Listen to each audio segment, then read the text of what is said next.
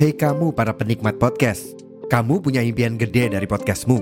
Tools di First Story bisa banget bantu kamu. Mulai dari F-Link, Dynamic Audio Insertion, sampai statistik yang komprehensif, semua ada di First Story. Gak ketinggalan, kamu bisa monetisasi podcastmu lewat iklan dari First Story Ads yang bisa kasih kamu penghasilan dari setiap place podcastmu. Yuk gabung sekarang dengan klik di firststory.me. Sekali lagi, di firststory.me. Mari kita bawa mimpi podcastingmu menjadi kenyataan. Episode ini adalah bagian dari tantangan 30 hari bersuara 2023 yang diselenggarakan komunitas The Podcasters Indonesia.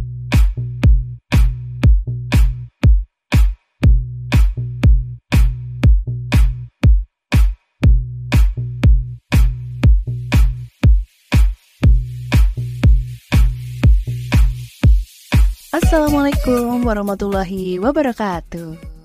Apa kabar Bu Ibu sayang? Sudah dengar berita paling viral hari ini? Belum? Loh, gimana sih? Kan Bu Ibu biasanya demen sama yang viral-viral nih. Mosok ketinggalan sih? Maaf ya, sarkas dikit. Tapi emang bener kan, gak cuma Bu Ibu, perempuan itu biasanya langsung gercep kalau dengar sesuatu yang viral. Jadi nomor satu gitu yang tahu tentang kabar-kabar terbaru. Ya, karena nggak lain dan nggak bukan karena media sosial itu lekat dengan kehidupan bu ibu. Siapa sih bu ibu yang nggak punya akun medsos sekarang ini? 90% itu pasti punya. Ya, kalaupun nggak main sosmed, tapi pasti punya aplikasi WhatsApp kan di HP-nya? Karena 90% berita viral di medsos itu di-share di WhatsApp.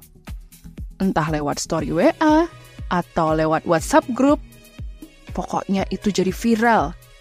Lalu, karena merasa beritanya penting, kemudian terjadi deh reshare secara masif. Padahal belum tentu loh semua yang viral itu benar bisa jadi itu hanya sebuah konten sensasional yang dibuat seseorang yang isinya menimbulkan perdebatan alias kontroversial. Tapi aku yakin sih Bu Ibu pernah melakukan itu. Kita obrolin ini yuk di podcast Bu Ibu bareng aku, Ibu Ino. Podcast Bu Ibu. Podcast Bu Ibu by Ibu Ino. Podcast Bu Ibu by Ibu Ino.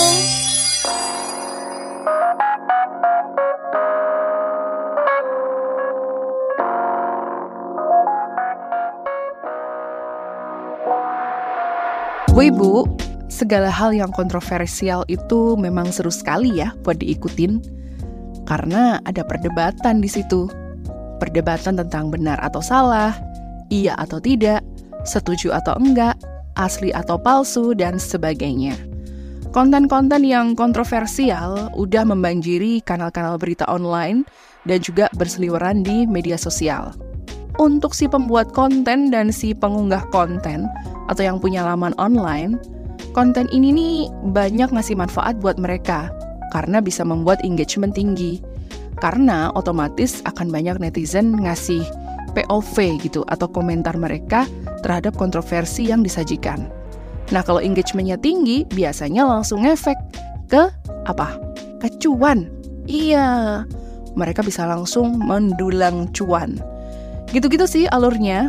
Tapi di lain pihak, netizen ini terdampak negatif juga loh dengan konten kontroversial itu. Apa ayo? Netizen dengan membabi buta ngasih komentar yang biasanya taking side. Karena kontroversi itu kan biasanya menimbulkan perdebatan. Dan perdebatan itu kan biasanya ada pihak yang setuju atau nggak setuju. Nah, di situlah netizen akan menunjukkan keberpihakannya. Tapi jadi nggak sehat, karena kemudian akan muncul ujaran kebencian. Lalu jadi viral. Hampir memenuhi feed dan juga reel semua platform medsos. Hingga akhirnya tambah viral setelah merambah ke WhatsApp Universe, katakanlah seperti itu. Di grup mana aja ada, di reshare berulang kali. Dan bayangin, kalau ini adalah dirimu bu, dirimu yang kontroversial dan viral. What do you think? Bu Ibu, sebenarnya sah-sah aja ya kita jadi terkenal. Itu kan hak segala bangsa. Tapi kalau pakai jalur kontroversial dan viral, gimana perasaanmu, Bu? Di zaman yang serba medsos ini, udah banyak kita lihat ya, perempuan-perempuan yang berstatus ibu menjadi berita yang kontroversial. Entah karena ucapannya atau karena perbuatannya. Jadi kontroversial karena biasanya multitafsir, sehingga menimbulkan perdebatan. Atau karena ucapannya dinilai kurang pantas, kurang pas, atau bisa jadi mengandung ujaran kebencian. Atau karena menyindir orang lain. Sehingga terbuka peluang bagi netizen untuk berkomentar. Belum lagi kalau kontroversialnya karena perbuatannya. Ini nih yang sering terjadi Netizen rame-rame ngasih opini, bahkan ngasih judgement pada perilaku seseorang, terutama ibu, yang jadi berita dalam media sosial. Komentarnya pun ada yang pro, ada yang kontra. Bu Ibu jadi terkenal karena sesuatu yang kontroversial dan viral itu biasa ya. Udah banyak kita lihat. Dari yang awalnya bukan siapa-siapa, tapi karena demen joget-joget di platform TikTok misalnya, dan mendapatkan love yang banyak, akhirnya viral, lalu terkenal, lalu tiba-tiba jadi seleb TikTok. Tandanya apa? Tandanya dia udah ngiklanin produk dari kerjasama endorse. Kayak effortnya tuh nggak besar gitu loh zaman sekarang ini buat jadi terkenal ya nggak? Tapi konten-kontennya itu kemudian yang jadi kontroversial karena banyak yang pro dan kontra. Kalau kita lihat di komentar-komentarnya gitu ya. Antara lain kayak gini Udah ibu-ibu ikut-ikutan joget TikTok. Udah ibu-ibu pecicilan kayak bocil. Ingat umur, Bu. Ada komentar-komentar seperti itu. Belum lagi komentar yang body shaming gitu ya. Lebih banyak lagi. Tapi di komentar lain ada juga yang pro. Misalnya komentarnya gini. Sip, Bu, lanjutkan.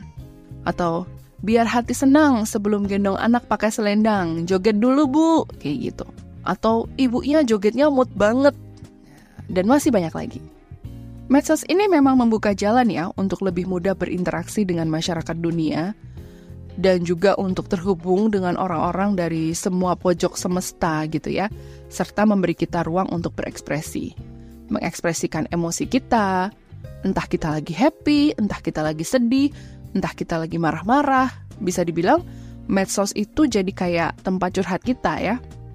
Tapi sayangnya, medsos itu juga memungkinkan netizen mencomot konten kita untuk di-share ke mana-mana dengan narasi mereka sendiri. Sehingga ya itu tadi, menimbulkan kontroversi. Bahkan kadang yang gak ada hubungannya sama kita, maksudnya bukan konten kita gitu, ada sengaja dibuat lalu diunggah hanya untuk memunculkan kontroversi. Misalnya, konten tentang ASI versus susu formula. Konten tentang popok sekali pakai versus popok kain. Atau konten tentang working mom versus full-time mom, gitu-gitu. Ini tuh sengaja dibuat agar kontroversial gitu. Agar ada perdebatan mana yang lebih oke, okay, mana yang lebih bagus. Berapa banyak netizen yang setuju dan yang nggak setuju. Dan setelah diunggah, biasanya kan memang rame di komentar. Nah, kalau komentarnya udah rame, lama-lama jadi viral gitu. Lalu di luar medsos pun jadi perbincangan bu ibu di komplek. Dan lama-lama malah jadi saling membandingkan antara misalnya working mom dan full time mom. Kan jadinya malah bikin orang musuhan toh. Dari yang hanya konten semata, malah menimbulkan gara-gara gitu. Nah, Bu Ibu tuh harusnya juga cukup cerdas memahami ini. Ini udah tahun kesekian hidup kita diinterupsi oleh medsos ya, Bu. Udah dua dekade lebih loh, jadi jangan mudah percaya dengan berita-berita kontroversial dan viral aja. Tetap Ibu harus cari sumber validnya itu siapa. Mosok gara-gara ada viral orang nyebur di kolam lumpur, Bu Ibu malah ikut-ikutan nonton, ikutan komen, dan ikut-ikutan nyawer? Please deh, Bu. Aku yakin Bu Ibu juga nggak sedesperate itu kan kalau nyari duit. Ya nggak? Masih ada kan jalan yang lebih halal?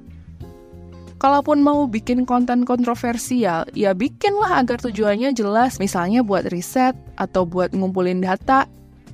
Tapi kelanjutannya juga ada. ada laporan, ada kesimpulan, gitu. Bukan terus viral terus udah gitu doang gitu ya. So, you better be wise ya Bu ya dalam bermedsos, apalagi di tahun politik nih. Ini kan lagi tahun politik nih menjelang pemilu. Pasti banyak banget kabar kontroversial yang berseliweran di medsos. Selain sebagai bentuk kampanye, ada juga yang jadi kayak black campaign gitu. Nah, ibu tuh harus jeli. Jangan sampai kemakan isu-isu kontroversial dan ikut memviralkan, padahal sebenarnya hanyalah hoax belaka. Ya bu ya, Gak usah buru-buru deh pengen terkenal juga karena materi kontroversial yang ibu posting di feed atau story di medsosnya ibu. Jadi terkenal tuh juga gak selamanya baik kok. Tuh, lihat. Tersangka KPK juga jadi terkenal kan? Ya. tuh, lihat lagi bu. Tentara Israel jadi terkenal juga kan, tapi dijulitin dan dikutuk sama seluruh dunia. Ibu mau kayak gitu. Thank you for being here with me. Aku Ibu Inul. See you on my next episode of Podcast Bu Ibu.